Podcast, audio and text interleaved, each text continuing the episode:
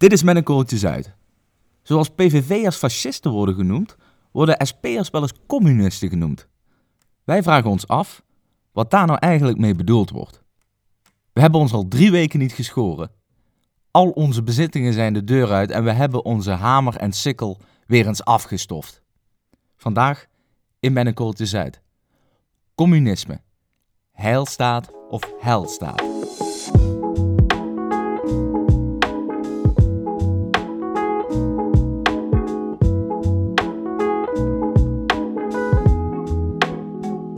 Heb je dat meegekregen deze week, de, de rel bij ehm, die andere politieke partij, de SP? Die, hadden, Andere. die lagen in de clinch met hun jongerenafdeling.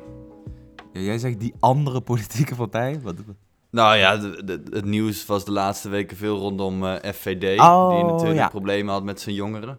Ja. Maar dat was natuurlijk de andere kant, had ook problemen met hun ik heb dat, ik, ik heb dat eh terloops heb ik, dat wel, eh, heb ik daar wel het een en ander van meegekregen. Maar goed, eh, Ja. voor degene die het niet heeft meegekregen, ja. Wat, eh, wat, wat, wat is er gebeurd dan? Ehm, de jongeren daar, de, de Rood heette die, die partij dan Rood. ehm, die werden door het, eh, de, het grote moederpartijbureau van de SP beticht van communisme. Althans, dat, ze, dat het een stel zolderkamercommunisten zijn. En dat vond de SP eh, niet in lijn met hun ideologie en hun partijlijn. Hmm. Want zeggen, zegt het SP, wij zijn een socialistische partij, geen communistische partij. En bij ons hebben communisten geen plaats. En waar werden ze dan in praktijk van eh, beschuldigd? Ik bedoel, zolderkamercommunist. Ja, dat is, ik vind dat echt een, beetje een populistische uitspraak. Als iemand toch lekker op zijn zoldertje een beetje Marx en Engels wil lezen, is dat toch prima? Ja, dat Zeker als je bij de SP zit. Ja, ja, zeker. Nee, dan, dan, dan moet je denk ik wel eh, Marx eh, en Engels lezen.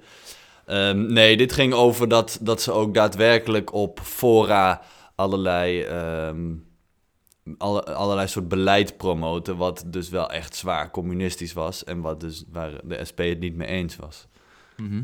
En, en eh, Eh. zijn er leden geroyeerd of, of zijn er nog... Ja, nou, het probleem is, ze hebben de, de leider van Rood ja, het lidmaatschap van de SP opgezegd. Maar hij zegt, ja, maar ik ben gewoon verkozen door alle jongeren als, als leider van Rood. Dus ik blijf gewoon op mijn post zitten. Als Ja. antwoord daarop zei de SP weer, nou, dan draaien wij de geldkraan dicht.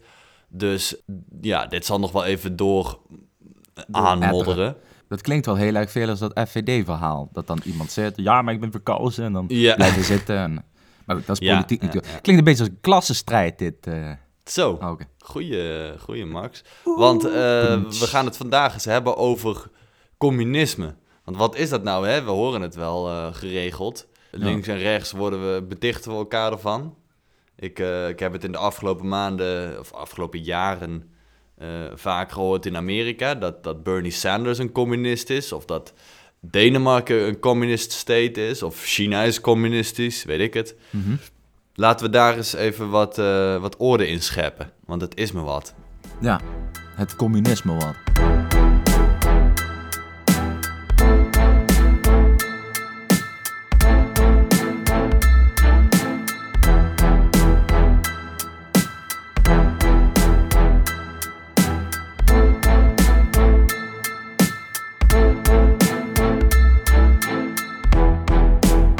Net voordat wij deze podcast begonnen, ha- hadden we al een vurige discussie over wat nou communisme is.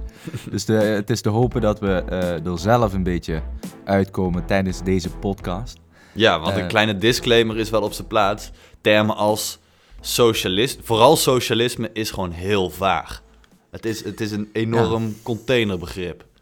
Eh, ja. ja, nee, dat klopt. Ehm, dus laten we daar maar eens meteen eh, mee beginnen. Misschien dat we als allereerste even het verschil moeten maken tussen kapitalisme en eh, socialisme. En dan misschien als Hmm. eerste even als economisch systeem. Ja, En dat weet natuurlijk iedereen. Kapitalisme ja, is eigenlijk een incentive gedreven, kapitaal gedreven ja, manier om je economie eh, in te richten. Dat ja. wil dus zeggen dat als je, als je maar hard genoeg rent, nou, dan krijg je ook eh, veel centen. zoals het eh, gewoon in Nederland of eigenlijk de hele westerse wereld geregeld is. Ja, precies. Werken voor je centen. Precies. Dus eh, de, de, de economie die, die stut op marktwerking, vraag en aanbod. eh, laat de mensen maar bepalen wat ze willen en laat de mensen maar bepalen wat ze willen maken. En eh, welke prijs, die wordt vervolgens weer bepaald door marktwerking. Nou, dat systeem, daar zijn we allemaal in opgegroeid, dus dat kennen we. Socialisme als, ja, om dat even te duiden in een soort economische vorm, ehm, dan gaan we er dus vanuit dat de staat de eigenaar is van de productiefactoren. Zo. Eh, ja, dus dat is labor and capital. eh, Mhm. En natural resources. Maar jij weet dat vast en zeker ook naar het Nederlands te vertalen. Het idee daarachter is dat je een beetje de perverse prikkel die eh, kapitalisme heeft, namelijk dat als jij heel erg hard rent, dat je dan heel erg veel geld kunt verdienen en dat dat dan ten koste zou moeten gaan van een ander. Hè, want je opereert in een systeem van schaarste. Nou, dat, gaat, dat zou het socialistische systeem tegengaan, want daarin krijgt iedereen min of meer, of zou iedereen min of meer krijgen wat hij nodig heeft. Ja, we werken allemaal en eh, we nemen wat we nodig hebben. Dat is het idee. Je ziet dus in een, in een socialistische staat dat de overheid, de staat, eigenaar, eigenaar is van alle bedrijven, alle productie, noem maar op. En omdat er is wel een democratische regering, daardoor kun je dus eigenlijk zeggen dat indirect de bevolking, de samenleving, eigenaar is van alles, alle bedrijven, alle productie, noem maar op. Precies. Want we kiezen mensen, nou, zoals het in Nederland werkt, je kiest een, een, een, een parlement en die eh, zijn eigenaar van het hele gebeuren. Dus indirect is iedereen overal eigenaar van. Nou, dan kan je denken dat is een fantastisch systeem, maar waarom zouden we dat doen? En een socialist die zou daarop antwoorden, die zegt, kijk, als we nou kijken naar wat er de afgelopen paar honderd jaar in de wereld is gebeurd, hè, de opkomst van kapitalisme, die heeft ervoor gezorgd dat er altijd een klein groepje mensen was die eigenaar was van eh, fabrieken of land of eh, bedrijven. En de overgrote meerderheid moest daarin werken. Ehm, en ze zagen daar een ongelijkheid in. Dus mensen die iedere dag eh, om 7 uur s ochtends in de fabriek begonnen en om 7 uur s avonds naar buiten liepen, die kregen daar in verhouding veel minder voor terug dan de grote baas aan de top. Dus ze, zij, hadden het over exploitatie. Die mensen worden uitgebuit. Nou, werden ze ook natuurlijk. Ja, hadden de socialisten denk ik wel een punt. Want die fabriekseigenaar, die hoefde veel, ja, die had natuurlijk veel minder te doen dan die arbeiders onderaan de ladder. En dat is denk ik, dan kom je dus bij het, de kern van het socialisme. Namelijk dat ze zien, wij zien een ongelijke klassenverdeling. De mannen aan de top en de arbeiders aan de bodem. En die ongelijkheid, ja, daar, daar hebben we het lastig mee. Want Ja. dat is ook iets wat pas een paar honderd jaar natuurlijk zo duidelijk naar voren komt. Ehm, en dat, dat, daar willen ze iets tegen doen. En dan kom je dus bij wat we net hebben uitgelegd, dat hele systeem, eh, dat economische systeem. Dat zou ervoor moeten zorgen dat, dat die hele klasseongelijkheid enigszins rechtgetrokken wordt. Nou, dat dus het proletariaat, dat zijn dus degenen de, de, degene die aan de bak moeten iedere dag, om maar even zo te zeggen. Ja. Dat zijn eh, ja, Jan met de korte achternaam. Dat hij dus eh, de baas wordt over die productiefactoren. Juist. Ik Hij heb me net nog laten vertellen wat dat betekent, proletariaat. Weet jij dat? Ja, de, de arbeidersklasse, hè? maar waar, je bedoelt de etymologische achtergrond Ja. van het woord. Ja, Ja. Nee, ja. ken ik niet. Het zijn de, de mannen die zoons baren, kinderen baren. Dus jouw enige eigendom is het hebben van kinderen, die namelijk dan weer de productiefactoren eh, kunnen onderhouden en weer in de fabrieken kunnen werken. Oké, oké, dat Ja. is, wel een, eh, is wel een mooi feitje. Ja, En, eh, waar, maar, en het bourgeois, bourgeoisie, waar komt dat dan van? dat weet ik dan weer niet. Ik denk uit Frankrijk. Ik heb het even opgezocht. Ja, goed, de luisteraar die hoort natuurlijk niet dat hierin geknipt is, of wel. Maar ik heb het even opgezocht. Wikipedia, altijd top. Etymologie van het woord bourgeoisie. Burgerij, of het Franse bourgeoisie, betekent letterlijk de inwoner van een stad. Ah ja, Het begrip drukt een zekere autonomie van de stadsbevolking uit, vervat in burgerrechten die niet golden voor de bewoner van het platteland. ah ja. Ja, vroeger was het natuurlijk, eh, was je rijk hè, als je in de stad woonde. Oké, hebben we het dan helder? Communisme, of sorry, socialisme aan de ene kant, kapitalisme aan de andere kant. Wij zijn allemaal opgegroeid in een kapitalistisch systeem. En een socialistisch systeem nou ja, kennen wij denk ik persoonlijk niet. Tenzij er hier een paar mensen naar luisteren die zijn opgegroeid in Cuba. Of wellicht nog opgegroeid zijn in de Sovjet-Unie. Ehm, Het zou zomaar kunnen trouwens. het zou kunnen, wie weet. Dan horen we daar graag van trouwens. Stuur ons een berichtje op eh, Instagram, korreltjes uit. Maar dan moeten we het hebben over communisme. Want communisme is niet hetzelfde als socialisme. Ja, dat zou je zeggen. Dat, zou je zeggen. Nou ja, kijk, het dingetje is een beetje... eh, dat communisme, dat is natuurlijk het begrip waar we de, wat we de hele tijd op Twitter lezen. Van, je bent een communist. Als je een keer, Ja. eh, weet ik veel... Als je één keer met een rood jurkje naar, door een vintage winkel eh, huppelt... dan ben je opeens een communist. Ja, ik, ik, ik weet niet. Het, het, het wordt inderdaad... Jij zegt een container. Nou, dat is dus exact hoe Marx het omschreef. Ja, ja. Denk ja, dat is iedereen die eh, met een rood jurkje door een vintage store wandelt. Nee, ehm, overigens, die man kwam uit Trier. Dat is hier helemaal niet zo ver vandaan. Ja. Ehm, trouwens... Zullen we daarmee beginnen trouwens, met, met Marx? Want dat, hij is natuurlijk de, ja, de grondlegger van het communisme. Ja, nee, socialisme bestaat natuurlijk al, al langer, al een paar honderd jaar. En Mhm. Marx heeft dan in de 19e eeuw, kwam hij op de proppen met communisme. Nou, dus, Ehm, laat gaan, laat gaan. Marx, trouwens, een leuk feitje over Marx. Eh, als we luisteraars hebben in Nijmegen, ga dan even in het centrum kijken. eh, in de straat van Café de Fiets uit mijn hoofd. Ik weet nu 1, 2, 3 niet hoe die straat heet, maar ga maar eens zoeken. Daar staat een huis met op dat huis een, eh, een plakkaatje. En daar staat, dit is het geboortehuis van de moeder van Karl Marx. Dus Ja. zijn moeder kwam uit Nijmegen. Eh, Ja, zo'n zo'n huis heb je in Maastricht ook. Tegen de recht, tegenover de rechtenfaculteit i- is een huis. Hier heeft de zus van Karl Marx gewoond. En is die Oh, ja? op die en die datum een keer komen logeren. Ik vind het een beetje vergezocht hoor. Wat overigens wel een, een, een, heel boeiend feitje over de Marx-familie is, is dat eh, nou, de ene kant van de familie heeft dus Karl Marx, de communist, voorge- voortgebracht. De andere kant van de familie, hij is dus rechtstreeks familie van de oprichters van Philips in Eindhoven. Oh, dat Dus, o- dus dat, en dat is natuurlijk, De ultrakapitalist. dat is dat uberkapitalistisch natuurlijk, dus dat is wel Ja. mooi. Mooi. Ehm, ja, eh, verder eh, woonde hij in Trier, wat in Duitsland is. En was hij goed bevriend met Friedrich Engels. wat En, een... Engels. Engels, hè? Engels. een Duitser, hè? Ja. Maar Eng- Engels, Ja. ehm, ja, die zou je eigenlijk... eh, dat is eigenlijk wel bizar dat die dus zo samenwerkte met Marx met dat, over dat communisme. Want als je Engels naar eh, ja, anno 2020 zou vertalen... wat voor een figuur, wat voor man dat was... Hij is, hij is eigenlijk een beetje... De, hij was destijds een soort van de zoon van Bill Gates. Zeg maar, zijn pa was gigantisch rijk, een uberkapitalist... En uitgerekend zijn zoon eh, heeft samen met Karl Marx eh, dat, dat, ja, het communistisch manifest geschreven. En, en Nou, ik vind dat dus niet- werk. Ik vind dat dus niet onlogisch. Ik vind het dus niet onlogisch. Want ook zo'n Karl Marx, die heeft, eh, ja, die, die, die- die heeft de hele dag loopt die te blaten over werk en over oeh, het proletariaat. Terwijl hij zit thuis wat te schrijven. Hij werkt helemaal niet.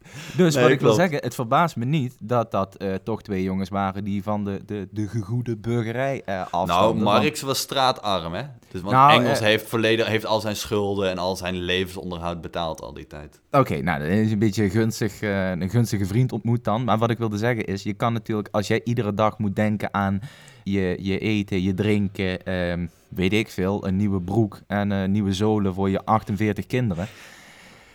Dan heb je natuurlijk geen tijd om na te denken over hoe je nou weer eens iets gaat neerpennen eh, met betrekking tot eh, het socialisme, het communisme, whatever. Dus wat dat Ja, betreft is het klopt. wel logisch dat hij uit een rijk gezin komt. Ja, ja, maar het is op zijn minst opmerkelijk. Enfin, die twee schreven het Communistisch Manifest. Een, eh, eigenlijk een heel klein pamflet. En heel begrijpelijk geschreven, want Marx heeft ook een hele hoop teksten en boeken geschreven die totaal onbegrijpelijk zijn. Maar het eh, Communistisch Manifest was juist bedoeld om eh, uit te delen aan eigenlijk alle arbeiders, het proletariaat in Europa. Ja, en dat zijn natuurlijk niet allemaal academici, maar gewoon mannen en vrouwen van de straat. Dus Ja. die moesten het gewoon kunnen begrijpen en kunnen lezen. Dus zeker een aanrader, heel klein kort boekje. Ehm, en goed, goed te begrijpen. En daarin zet hij eigenlijk uiteen wat dat communisme nou is en hoe we dat eh, eigenlijk zo snel mogelijk maar kunnen gaan eh, ja, institutionaliseren. Oké. En eh, wat, eh, wat heb jij daaruit op kunnen... Ja, ik heb dat boekje hier trouwens ook liggen. Dat is echt zo'n dun dingetje. Maar jij, jij zegt het is duidelijk geschreven. Niet echt eh, mega duidelijk of zo. Ik weet niet of je ook andere teksten van Marx hebt gelezen, maar als je het dan tegen, da- daar tegenover zet, dan is het wel, is het wel te begrijpen, Dan toch? is het te doen, ja. Ja. Eh, maar goed, dan. eh, dat, wat, wat, want, wat wil die? Ja, wat is, nou, nou ja, dan kom je inderdaad bij het, de kern van de zaak. Want wat is communisme dan? Wat wil die man nou? En eigenlijk moet je communisme gewoon zien als socialisme plus plus. Ehm, Ja. eh, Kijk, en dat probeerde, hebben we misschien daarnet ook al even proberen uit te leggen. Socialisme is een containerbegrip en communisme valt daaronder. Dus het is hetzelfde als eh, alle homo's zijn mannen, maar niet alle mannen zijn homo's. Zo is eh, zijn alle communisten zijn socialist, maar niet alle socialisten zijn communist. Enfin, dat dus. Eh, dus het is een, een soort sub, subgenre daarvan. Mhm. En het, het grootste verschil is denk ik ehm, aan de economische kant eh, zegt een communist: we moeten gaan strijden voor een gewelddadige of bloedige revolutie. Die moet gaan plaatsvinden om die klassenstrijd, die klassenongelijkheid waar ik het net over had, omver te werpen. En het, eh, de uitkomst daarvan is een statenloze ehm, samenleving. Dus zonder een overheid, een geldloze, overheid, eh, geldloze samenleving eh, en dus hopelijk een klasseloze samenleving. Iedereen gelijk, geen geld meer, iedereen werk en we werken voor elkaar. Dat is het doel. En wie, En is, dan de, wie is dan de baas? Wie, wie, wie? Er is geen baas. Ah. Eh, Marx zegt, we zijn in, in zijn utopische samenleving is er natuurlijk gratis onderwijs. En dat zorgt ervoor dat we allemaal degelijk genoeg opgevoed worden, opgeleid worden om te begrijpen dat we moeten werken voor elkaar. En dat er dus eh, ja, een, een, een klasseloze samenleving komt. Maar jij zegt, bloed, eh, er moet een bloedige strijd volgen. Kijk, Ja. ik snap dat ze natuurlijk redelijk revolutionair ingesteld zijn, die mannen. En vrouwen trouwens ook. Ja. Ehm, maar ik, ik, ik kan me niet helemaal vinden in die dat er dus per definitie nou, eh, bloed moet vloeien. Dat- Nou, de kleur van communisme is natuurlijk altijd rood. Staat voor het bloed, eh, hè, het bloed wat moet gaan vloeien tijdens die communistische revolutie. Ja, Zij zeggen of namelijk- het, eh, het bloed dat pompt door de aders van, van de arbeiders. Ja, zo kun je het ook zien. Zo kun je het ook zien. Ehm, nou ja, een Nou, nou, ja, zo die kun je zegt- het ook zien. Dat is natuurlijk wel het belang. Jij zegt dat die mensen dus in principe geweld voorstaan. Ja, nou ik citeer even de allerlaatste pagina van het eh, communistisch manifest. De communisten versmaden het, hun opvattingen en oogmerken te verhelen. Ze verklaren openlijk dat hun doel slechts kan worden bereikt door de gewelddadige omwerping van iedere tot dusverre bestaande maatschappelijke orde. Dat de heersende klassen sidderen voor een communistische revolutie. De proletariërs hebben daarbij niets te verliezen dan hun ketenen. Ze hebben een wereld te winnen. Proletariërs aller landen, verenigt u.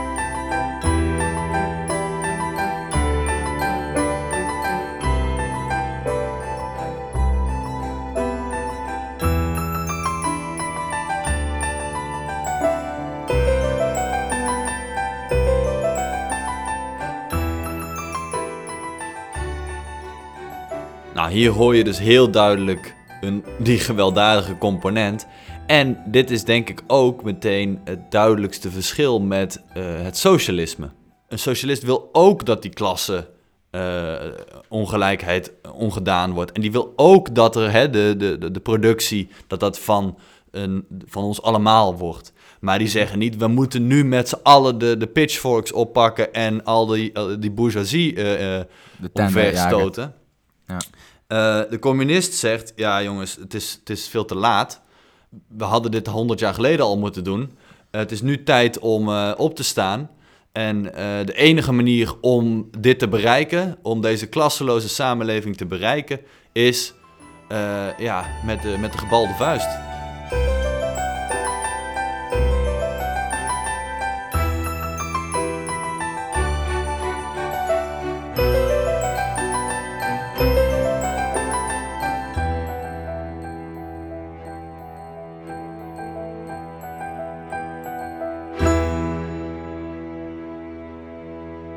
Ja, je ziet, nou, je ziet dus dat er uh, door de jaren heen, en dat ze er allemaal podcasts op zich kunnen zijn, zijn er natuurlijk stromingen ontstaan als Leninisme, Stalinisme, Maoïsme. Ehm, en dan heb je ook nog Marxisme en Marxianisme. Ja, dan heb je nog neo-Marxisme, en dan heb je nog Gramscianisme, en dan heb je nog neo-Gramscianisme. er zijn zoveel stromingen. Uh, kijk, Marx was natuurlijk... Uh, want ik denk dat Marx wel een ongelofelijke... Ja, je zou hem bijna een, een, een soort... Prof, nou ja, niet een profeet, maar een... Hij was wel een van die grote, gigantisch grote denkers... die er in de, in de wereldgeschiedenis voorbij komen. Um, um, want wat, want ik, waar ik denk dat Marx wel ontzettend groot gelijk in heeft gehad... Uh, want ik, wil, ik, ik, ik ben geen communist, laat ik dat vooropstellen. Uh, maar is dat hij wel zag waar de pijnpunten van de samenleving zaten. En zeker in zijn tijd, hè, industriële revolutie, was gewoon echt zware uitbuiting van uh, het proletariaat. Ja. Um, dus hij wist heel goed uit te leggen waar de problemen zaten. Goed, de oplossing is misschien wat uh, waar we oneindig lang over kunnen discussiëren. En ik denk dat dat ook de, de reden is dat er zo gigantisch veel stromingen zijn rondom dat uh, communisme, marxisme. Uh, nou ja, we noemden ze net.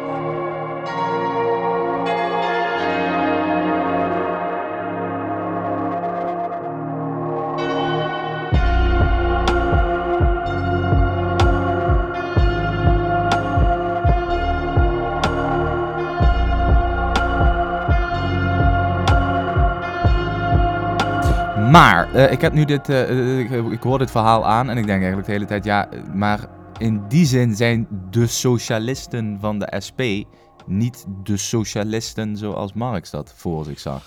Of zoals nou. Friedrich Engels dat voor zich zag. Nee, ik neem wel, kijk, ze hebben natuurlijk wel uh, vergelijkbare, laten we zeggen, morele invalshoeken. En de, ze herkennen en erkennen vergelijkbare pijnpunten in hun samenleving. Namelijk het feit dat een kleine groep mensen ten koste van een veel grotere groep mensen veel verdient. Um, en daar, daar willen ze iets aan doen. Maar zij zijn, ik denk niet dat de SP anticapitalistisch is, toch? Zij, eh, zij erkennen toch dat zij hun doelen alleen maar kunnen behalen binnen de mm -hmm. lijnen die ja, het kapitalisme voor, voor hen heeft uitgelegd, ja. zeg maar.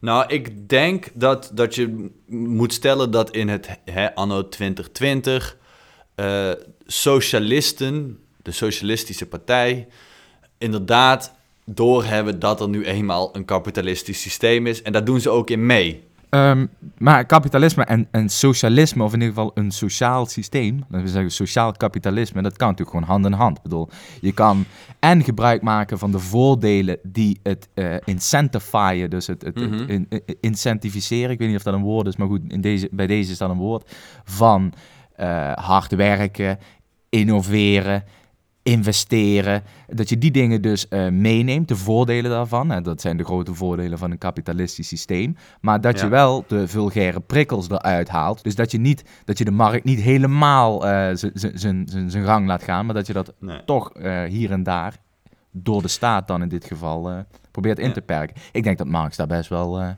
helemaal niet... wel blij mee zou zijn. Denk ik wel. Ja, je, ziet, je ziet natuurlijk ook dat er nou, bij mijn weten geen enkel land ter wereld is wat puur kapitalistisch is. Ik bedoel, het, het grootste, makkelijkste voorbeeld van een socialistisch element in onze samenleving is het hebben van de brandweer. Dan laten we ook niet over aan een privaat bedrijf die, dan, die je moet betalen als je huis in de fik vliegt. Nee, we zijn het er allemaal wel over eens dat, hè, dat een brandweer, die betalen we met de belastingcenten en uh, die komt altijd opdraven.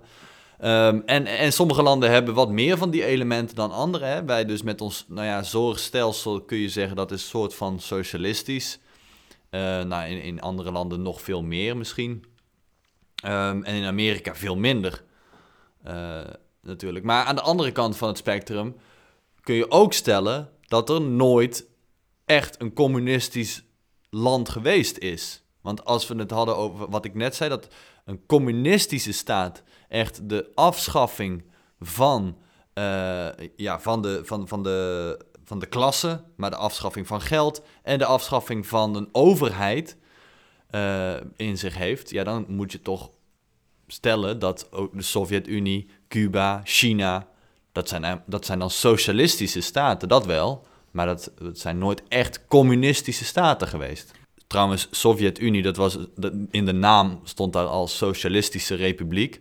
Eh, dus dat, dat gaf het al wel weg. Maar ehm, een echt communistische staat heeft nooit bestaan. Dus een staat waarbij de, de overheid is afgeschaft, waarbij er geen geld meer is, waarin er eh, geen, eh, geen klassenongelijkheid is, dat heeft nooit bestaan. Socialistische staten wel. Hè? Dus, dus de Sovjet-Unie, Cuba, dat soort staten, zeker wel. Ja, dus, dus, dus echt puur communisme hebben we nooit gezien. Co- Communisme is natuurlijk ook weer een, een, ja, een soort schaal. Hè? Dit is een soort eh, spectrum. Maar dat is precies wat jij zegt. Echt 100% communistisch is er nooit geweest. Omdat er geen staten zijn Ja. die... Ja, dat is eigenlijk anarchistisch. Hè? Als je dus geen eh, Mm. staat hebt. Nou ja, anarchisme, goeie, eh, is ook weer een, een, een begrip wat onder socialisme valt. Hè? Dus dat containerbegrip socialisme, dan heb je dus aan de ene kant dat communisme. Anarchisme is eh, dan weer een communisme plus plus, dus nog extremer. Mhm. Eh, want een communist die zegt, goed, die staat die gaan we afschaffen en dat geld gaan we afschaffen, dat komt allemaal. Maar dat moeten we eerst even een paar stappen doorlopen. Dus er moet een, een, die, die, die revolutie moet komen. Ja. We moeten die, eh, klasses, die klassenstrijd aangaan en dan komt dat wel. Collectiviseren van alles. Precies. Ja. Een anarchist die zegt, nee jongens, daar hebben we allemaal geen tijd voor. Vandaag op morgen, bang! vandaag kappen we ermee. Afgelopen ermee. Geen overheid meer, geen geld meer. En we gaan het allemaal in kleine groepjes. Gaan we gewoon eh, collectief leven Ja. en werken. Mikasa, Sukasa.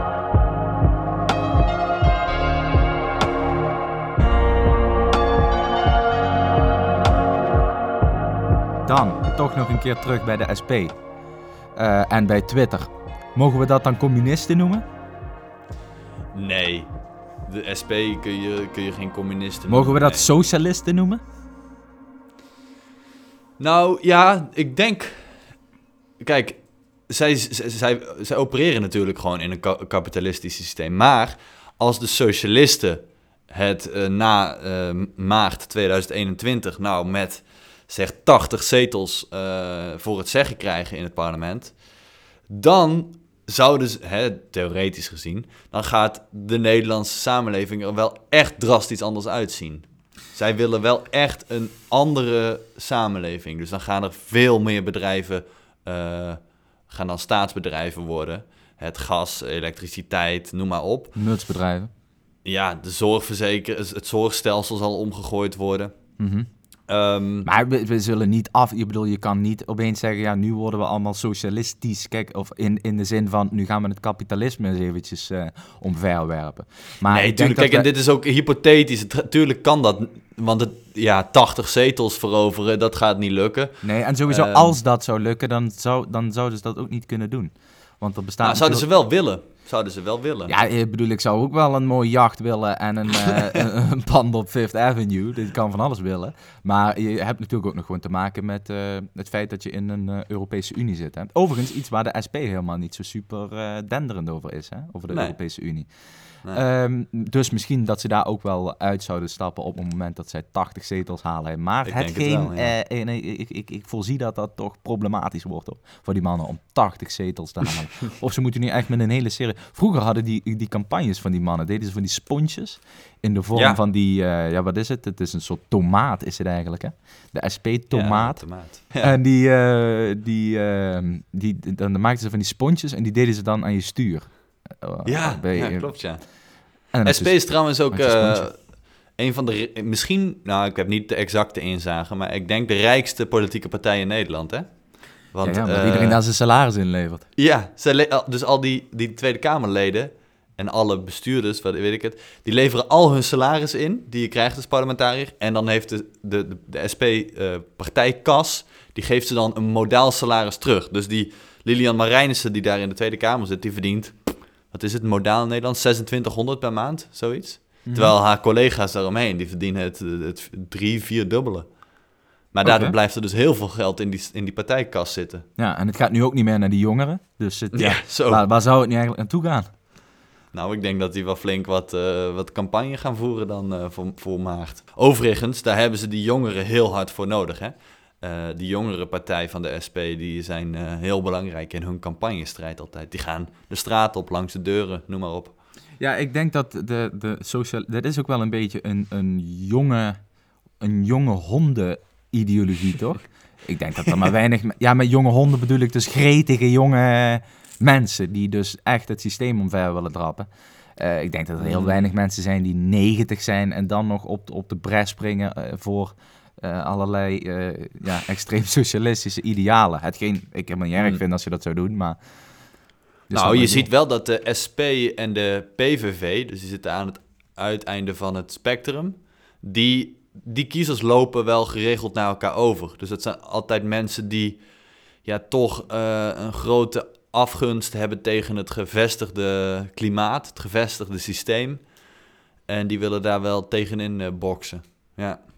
Oké, nou, we zijn weer, eh, we zijn weer wijzer. We hebben het deze podcast over socialisme, communisme gehad.